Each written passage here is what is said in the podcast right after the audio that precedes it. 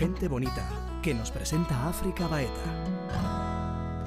Hola, ¿qué tal? ¿Cómo estás? Nuestro invitado de hoy es imposible que te deje indiferente. Dime una cosa, ¿has sentido alguna vez un vacío inmenso? ¿Has sentido que todo lo que creías que daba sentido a tu vida se diluía? Tarde o temprano nos ocurre a todos y a todas, y aunque al principio cuesta creerlo, esa sensación de angustia, bien gestionada, te da la llave de tu libertad. Es el principio de una nueva forma de vivir. Jorge Pellicer lleva años dedicado a la conciencia del ser. A través de diversos encuentros facilita el discernimiento entre el ser y falso ser, entre la mente pura y el pensamiento, con el fin de que todo aquel que realmente lo desee recuerde la verdad inmutable de sí mismo. Gente Bonita con África Baeta. Jorge Pellicer, bienvenido a Gente Bonita. ¿Qué tal estás? Muy bien, pues feliz, feliz de estar aquí contigo, compartiendo. ¿Quién es Jorge Pellicer? Pues Jorge Pellicer es una idea, una idea de ideas.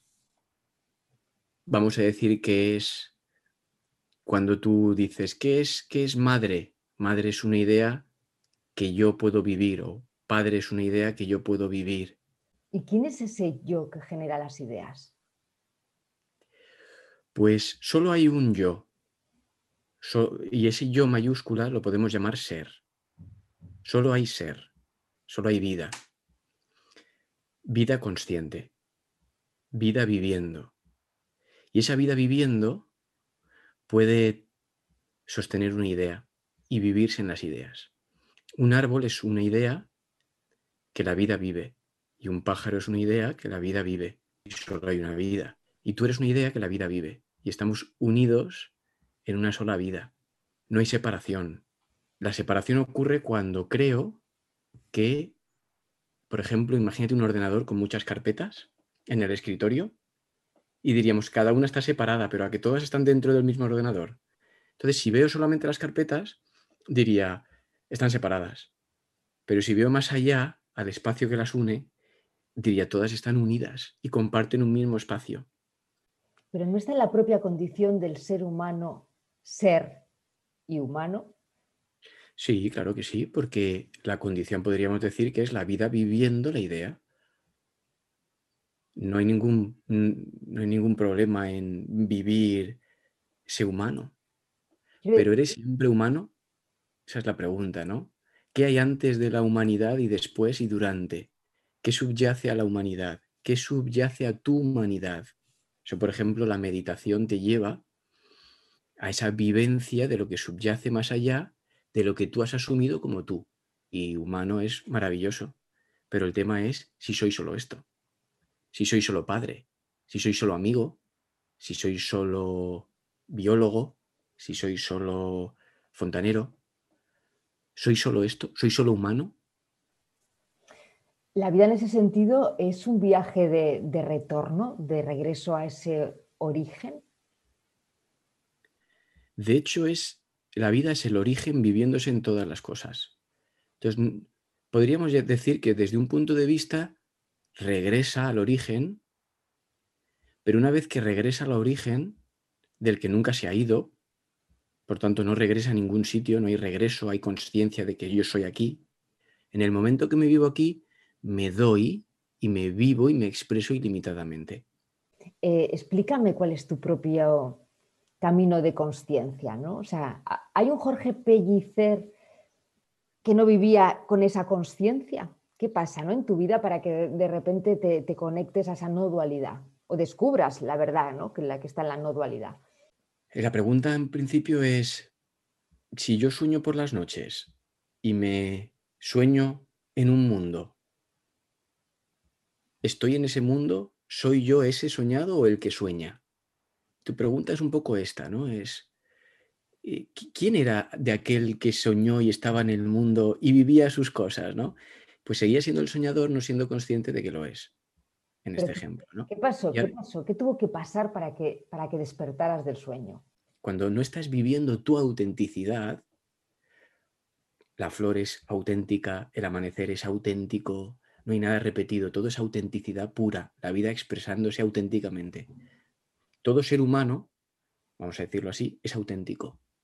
Y cuando has negado tu autenticidad en la autenticidad de no ser auténtica, eres invitada de vuelta a tu autenticidad. Entonces, constantemente eres llamada o llamado a ser quien eres. Si se te olvida quién eres, que se te puede olvidar, pero no puedes no ser quien eres. Eres llamado al gozo de ser quien eres otra vez. Entonces, eres llamado, dicho de otra manera, vamos a decirlo otra de otra manera. Si no te sientes feliz, eres llamado a la felicidad. Si no te sientes abundante, eres llamado a la abundancia. Si no te sientes libre, eres llamado a la libertad. Si no te sientes en paz, eres llamado a la paz. O sea, eres llamado a un centro que, que eres y que si no estás ahí, eres llamado. Solo puedes ser llamado si no estás en ese centro, porque es lo que tú eres. ¿Pero esas llamadas son en forma de sufrimiento? No, no, para nada.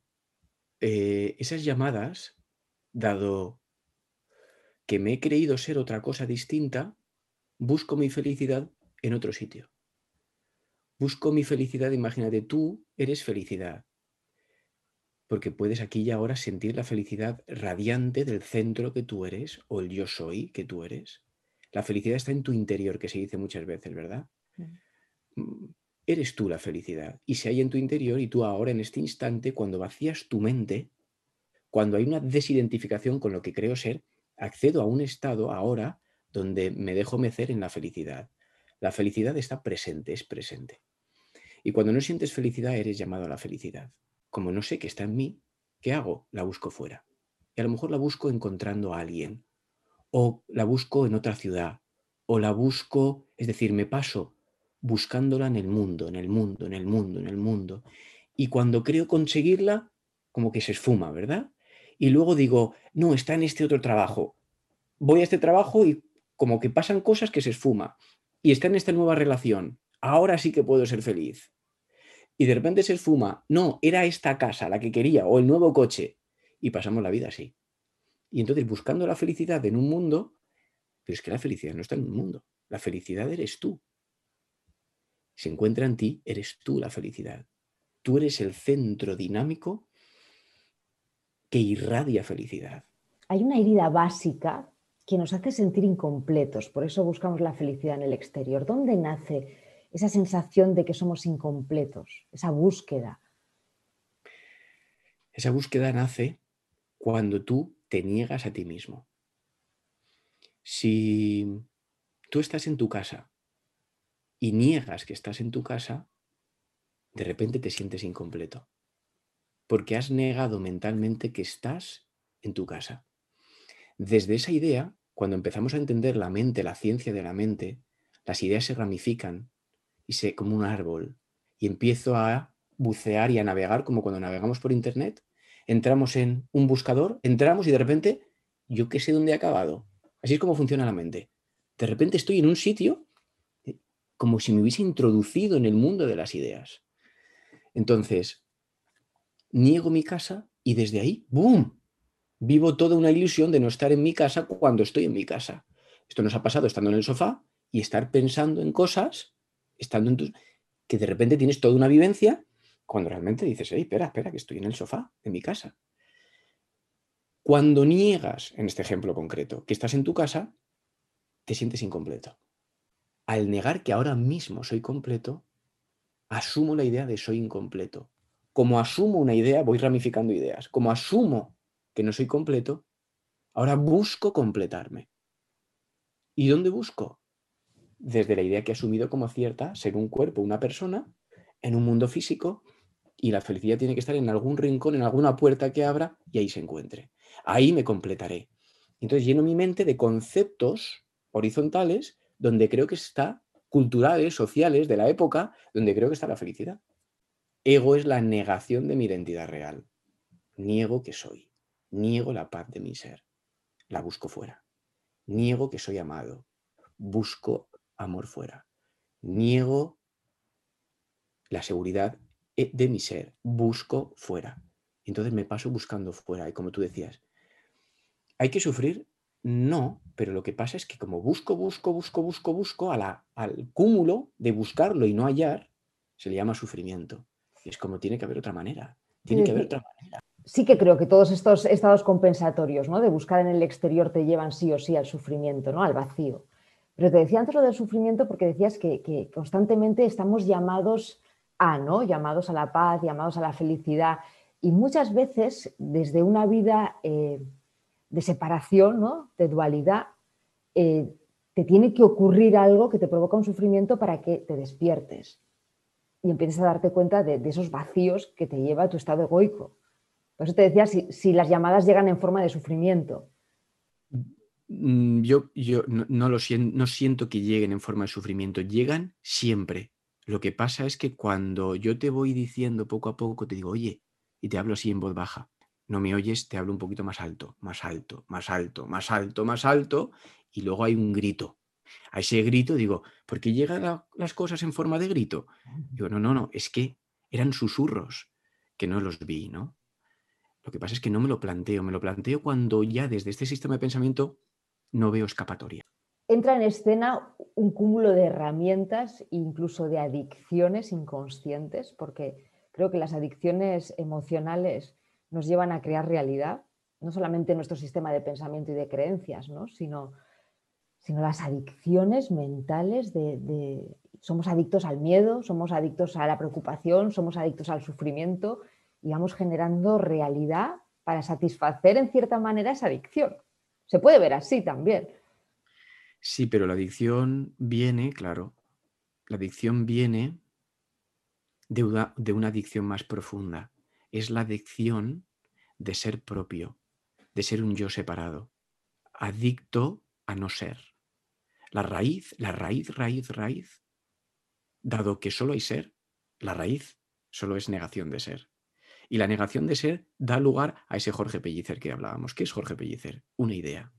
Una idea que es un constructo mental que yo puedo idolatrar e identificarme con él y serlo y decir soy Jorge Pellicer. Y entonces construir, que no, está, no es nada malo, es simplemente un medio, pero puedo idolatrarlo y puedo querer serlo diferente de lo que soy, construir una identidad separada.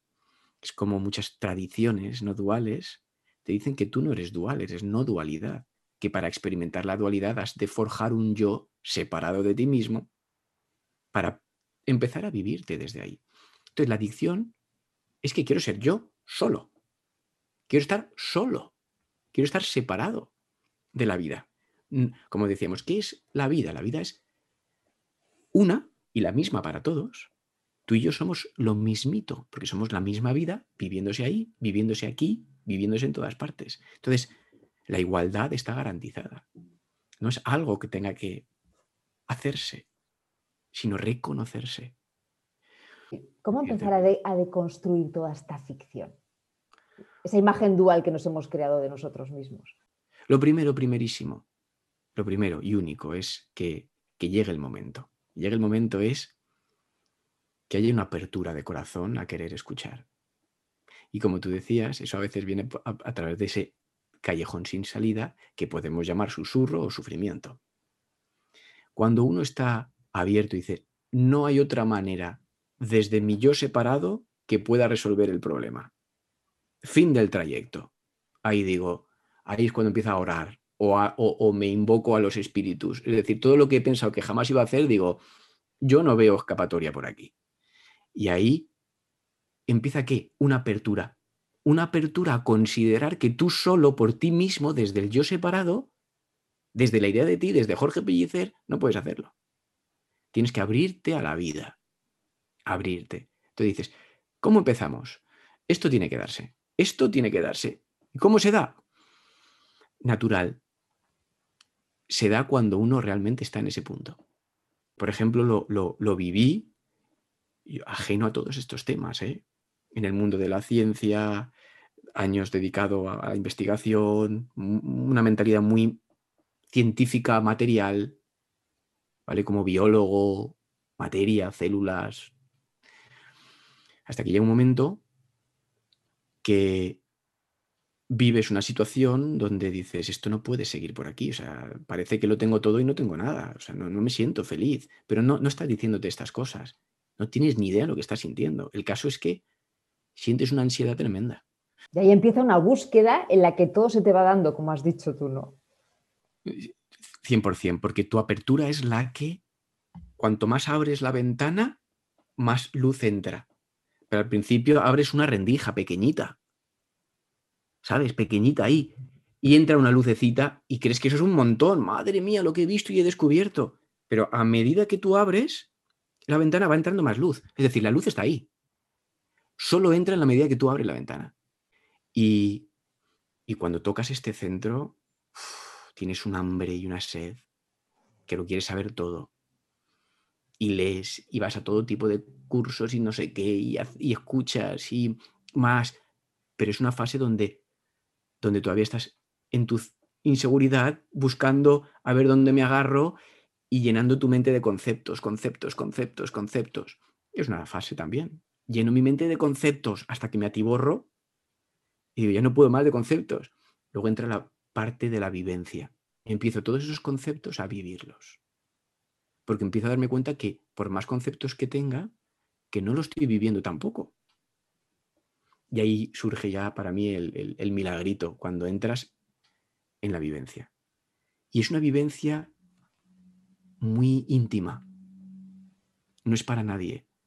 Que también esto es otra de las cosas que suceden. Al principio quieres vivir y comentar y hablar y decirle, mira lo guay que soy, que sé estas cosas, ¿no? Luego todo eso se transmuta en una algo muy íntimo, muy íntimo, muy, muy, muy profundo, donde es puro, porque no es para mostrar. Se muestra solo o no, pero tú no estás ahí. Es cuando tocas el corazón y dices, ha llegado el momento de dejar a un lado esta imagen, este Jorge Pellicer, estas ideas de mí, este constructo, y, rendirme a la vida que soy. En ese camino eh, hay un proceso de, soltar muchos apegos que van volviendo una y otra vez. Quiero decir, hay lo que te he dicho, no hay adicciones muy fuertes, hábitos muy fuertes, identificación que asoma una y otra vez, ¿no? Pero tú fíjate, eh, el enfoque que me gusta a mí y que disfruto mucho es Allí donde miras vas. Allí donde miras vas. Aquello en lo que te centras expande. Hay una ley, es la ley de la mente, es la ley del sí. Es una ley. La mente es aquello que piensas, sientes y experimentas. Allí donde miras, ¡pum!, se ramifica, como hemos visto con la navegación en Internet, ¡pum! Es el poder de la mente, es el poder del foco, de enfocarte.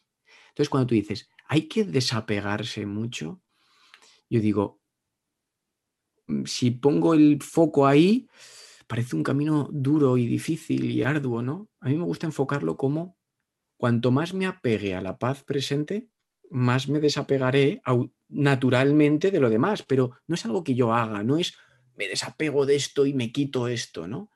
Es un enamoramiento hacia una vivencia interior, es un enamoramiento, vamos a llamarlo, me apego, me apego a lo que a lo que no puedo agarrar con mi mente. me apego a, la identidad más allá de mis conceptos con respecto a mí mismo, que es me acerco a mi paz, me acerco a, la calma. Entonces, no es un trabajo de sol, sí, suelto, suelto, suelto, pero el foco no está puesto ahí. El foco está, está en enamorarse de aquello hacia donde te diriges. Por ejemplo, si tú amas estar en paz y sentirte libre, esa va a ser tu vivencia. Tu vivencia va a ser descansar constante y continuamente en este sentir profundo de libertad. Y de libertad es de ilimitación.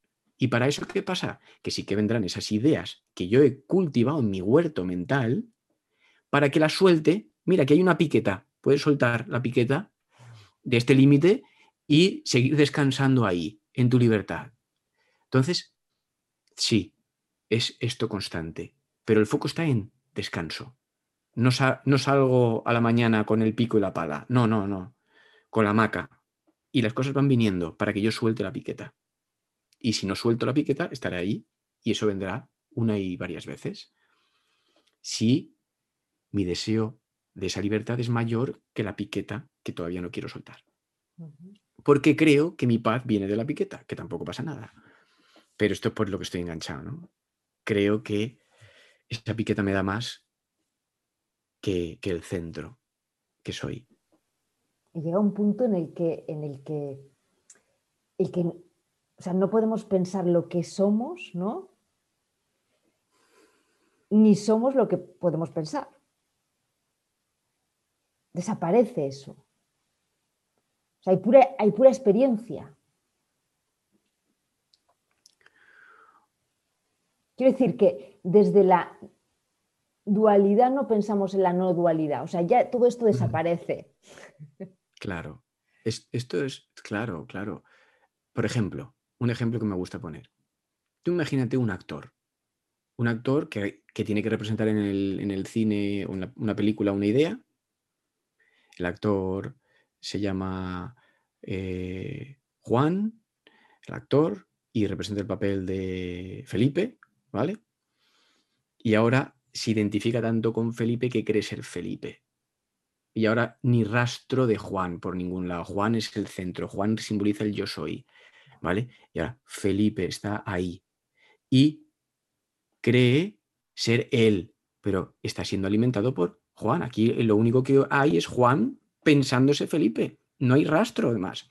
Hay, un, hay una parte en esta espiritualidad, en este regreso al origen que tú comentabas, donde Felipe trata de llegar a Juan. Es decir, el actor representa la idea, ahora la idea, el personaje, trata de llegar a Juan, que no es posible, que es lo que tú estás diciendo. Que es que no hay Juan, o sea, no hay Felipe por ningún lado. que no hay, pero hay un intento del yo separado de ser lo que soy desde el yo separado. Totalmente. Entonces, tu pregunta es, ¿debe desaparecer Felipe? Dice, Felipe solo será un medio, una idea, a través de la cual Juan se exprese. El actor se exprese. Es decir, el actor va a reconocer que sigue siendo actor y que el personaje no es más que un canal, un medio neutro a través del cual se expresa la vida, llamada Juan en este caso. En otras palabras, Jorge Pellicer o África tiene, desaparece como concepto. No es que tú desaparezcas, tú no vas a desaparecer porque tú eres tú. Lo que sí es el concepto de ti misma. Toda la idea asociada a ti misma, el constructo con respecto a ti misma. ¿Y qué quedas? Pues tú ahora mismo, la vida que eres, indiferenciada y individualizada. África no puede ser ser. Jorge no puede ser ser. Jorge es una idea. Yo soy quien soy y me vivo en la idea, pero la idea no puede ser yo. El personaje es una idea del actor, no al revés. Y desde ahí solo hay experiencia, lo que decía, ¿no? Y desde, ahí, solo, desde ahí solo hay ser, vivencia, ser, inocencia, divinidad. Porque hemos puesto Juan y Felipe, pero en realidad es Dios y, e idea. Solo hay Dios. Llámalo Dios, llámalo ser, llámalo conciencia, llámalo vida. Términos. Eh, solo hay vida, solo hay Dios, solo hay uno, solo hay unidad. No dualidad significa que no hay dos, ¿a que no? No hay dos. En, en términos más de Dios, diríamos que no hay separación desde el curso de milagros. Hay Dios, solo hay Dios. Hay unidad, todos somos uno. Hay igualdad, esa es la dicha hay Dios viviéndose en Dios, o hay ser viviéndose en el ser, o hay vida viviéndose a sí misma. Y es como cuando tú te pones, te preparas un desayuno que te encanta para disfrutarlo, aquí es una experiencia junto contigo. Nace de ti, es para ti, por ti, y todo queda en casa. Pues esto es a nivel macro, la vida se vive a sí misma y se goza a sí misma. La unidad es cuando empieza a reconocer que no hay separación, que solo hay vida, gozando de ser vida, dándose a sí misma, recibiendo de sí misma. Cuando tú te preparas un desayuno, ¿quién lo recibe? Tú. ¿Y quién lo da? Tú. ¿Cómo puede ser esto? ¿No hay dualidad? No hay dualidad. Hay juego. Hay lila. Hay vivencia. Pues cuando tú empiezas a darte cuenta que Dios Padre es quien da, Dios Hijo quien recibe, son expresiones, formas de hablar, mm. que podemos decir vida que da, vida que recibe, vida jugando consigo misma, dándose a sí misma. Te abrazas la vida se abraza. Y esto es cuando desaparece el concepto de separación. Quien da y recibe es el mismo, siempre. Es la ley. Y entonces la vida te da, te ama y tú amas a la vida. Porque no te has reconocido algo, sino la vida misma, dentro de sí misma. Qué maravilla. Entonces, en la, en la vivencia es, me aquieto y siento quién soy. Soy la vida misma. Entonces, en este camino espiritual es un, se, habla del deshacimiento. Deshacimiento, como tú has de construir, ¿no? Creo que has utilizado la palabra. Deshaces lo que tú piensas que eres. Deshaces los conceptos que tienes con respecto a ti. Si tú imagínate que hay una sensación, un decreto mental inconsciente que dices que no eres, que fuiste abandonada, que te sientes abandonada o no suficiente, esto es un decreto. Esto es un decreto que niega lo que eres. Este deshacimiento es traer al consciente estas ideas y conceptos con respecto a mí, mí apoyado en la idea de mí mismo, y empezar a soltarlos. Y empiezas a ilimitarte. Del límite, de la delimitación, empiezas a ilimitarte. El camino de la espiritualidad, de la espiritualidad es bellísimo, porque es un camino de amor. Amor, amor, amor, amor, amor. Es lo que mejor lo resume. Y, un verbo que acompaña a amor es dejarse amar. No, no, no nos dejamos amar. Porque hay un sistema de pensamiento que niega el amor. Y este se le llama el ego. Ego es la negación de la verdad, de lo que eres. Y entonces, dado que solo hay Dios, solo hay ser, solo hay vida, solo hay amor, este sistema de pensamiento niega lo que solo hay. Y desde ahí intenta llegar al amor por su propia vía. no puede haberla, solo hay amor. Entonces, dejarse amar es el camino. El curso de milagros lo llama el perdón. Y el perdón es liberarse de el castigo, de la culpa inconsciente, de la creencia en ser indigno. Y entonces, ¿cómo hago esto? El perdón te lleva a déjate amar, sé amable contigo, déjate amar. Aprende a levantarte por las mañanas, respirar y sentirte bendecido. Déjate amar desde la horizontalidad podríamos decir que es, es la vocación, es, es un trabajo, es tu función, hasta que sea natural. ¿Por qué? Porque nos levantamos con miedo a ver qué va a pasar hoy, a ver el día de hoy, a ver qué va a suceder, qué problemas tendré. A juzgar. A juzgar. Entonces, ¿qué pasa? Que estamos en automatismo, como te decía antes, los ayunos, crear hueco, los automatismos de supervivencia desde el cuerpo no nos paramos a dejarnos amar. Y dado que solo hay unidad, cuando te dejas amar, mueves a la creación entera. Es decir, no hay separación, convocas, constantemente convocas en tu experiencia de vida. Por eso te decía, cuando hay apertura, los rayos entran. Pues cuando te dejas amar, más amor entra. Y cuando te quitas amor, menos amor experimentas. Y cuando más abundante te sientes, más abundancia entra. Y cuando te quitas abundancia por tus preocupaciones, más, más carencia experimentas. Entonces, al final es, déjate amar. Para que sea algo muy práctico, déjate amar. ¿Y si esta fuese nuestra única práctica diaria, vivencia diaria? Me dejo amar. Empezarías a trascender todos los límites autoimpuestos de castigo basados en la culpa, basados en la separación. Empezaría, gracias a eso, a hallarme más allá de las ideas con respecto a mí. Y luego, cuando no hay paz, no hay verdad. O sea, quiero decir, es, un síntoma, ¿no? Cuando tú no sientes paz, es que no estás en la verdad. Sí. Y eso lo enlazo ¿Qué, yo... ¿qué, GPS más precioso, ¿verdad? Más, más, más amable. Sí, las respuestas están dentro de uno mismo, ¿no? y, y no tendemos a escuchar esos síntomas que nos están diciendo, vas bien por el camino, ¿no? Cuando sientes paz. Cuando sientes incoherencia, es que no estás ahí en conexión, no estás otra vez en mente, en identidad, en ego. Me venía, me venía la imagen de, de, estas, en las ferias, ¿no? Cuando hay alguien que está vendiendo estos muñequitos de cuerda, lo has visto alguna vez, ¿no? Estos patitos, estos perros, que le das cuerda, lo, lo pones en el suelo y va corriendo pues es una sensación así, ¿no? es, damos cuerda a una idea de ser cuerpo y vivir en un mundo y hay que sobrevivir y ser mejor y conseguir y ganar, nos ponen en el suelo y vamos escopetados. ¿Escopetados hacia dónde? No tengo ni idea. Yo voy para allá. Pero es esta idea de, como tú dices, no, estoy en automatismo, en, en conseguir, en miedo, en supervivencia. No me he parado a sentir. Una última frase para terminar. Y así cerramos de manera redonda esta conversación tan maravillosa. Pues momento de dejarse amar.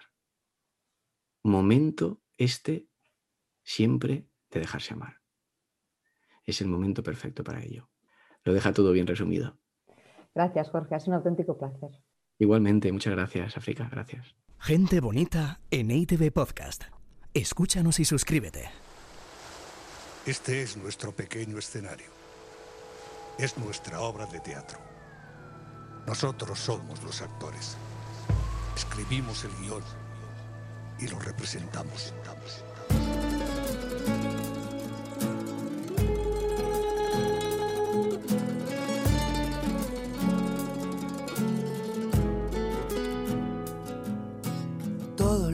Conocemos todos los recuerdos, todos los humanos, todos los que vendrán, todos sus pasajeros, nuestras penas y glorias, nuestros deseos, todos los amores que peleamos, los amores que vinieron para rescatarnos, los besos impacientes, los que se quedaron entre tu labio y mi vientre, civilizaciones, reyes y plebeyos, santos pecadores, amantes y abstemios sueños adoptados, grandes y pequeños, vacíos y ocupados, sobredimensionados, todos los relatos de nuestras emociones, mártires benditos, mil y una religiones, diminuto escenario, repleto de sobrepoblaciones.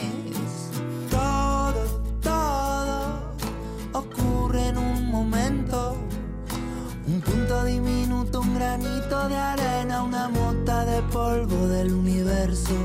Todo, todo ocurre en un instante. Las estrellas dicen que nosotros somos los fugaces. Blue, diminuto planeta azul, donde habitan los nuestros, donde habitas tú. Blue, diminuto planeta azul, donde habitan los nuestros, donde habitas tú.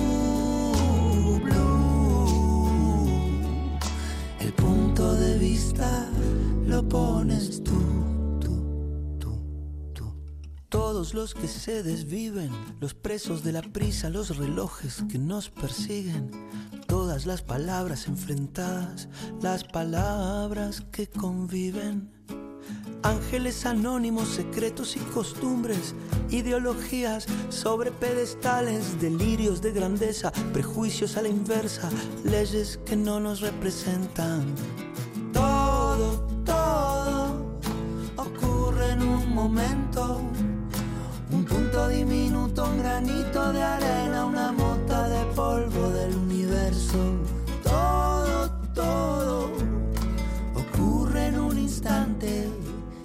Las estrellas dicen que nosotros somos los fugaces. Blue, diminuto planeta azul, donde habitan los nuestros, donde habitas tú oh, blue, diminuto planeta azul, donde habitan los nuestros, donde habitas tú, de vista lo pones tú.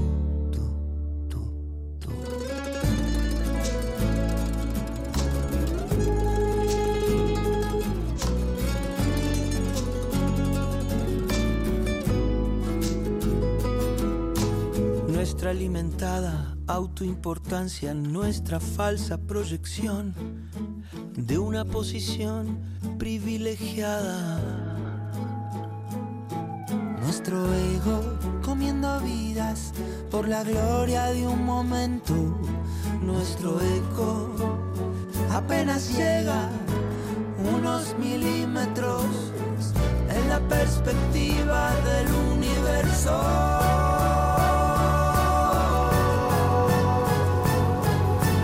Blue, diminuto planeta azul, donde habitan los nuestros, donde habitas tú.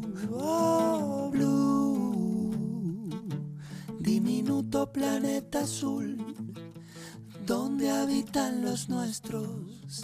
¿Dónde habitas tú, Blue? El punto de vista lo pones tú.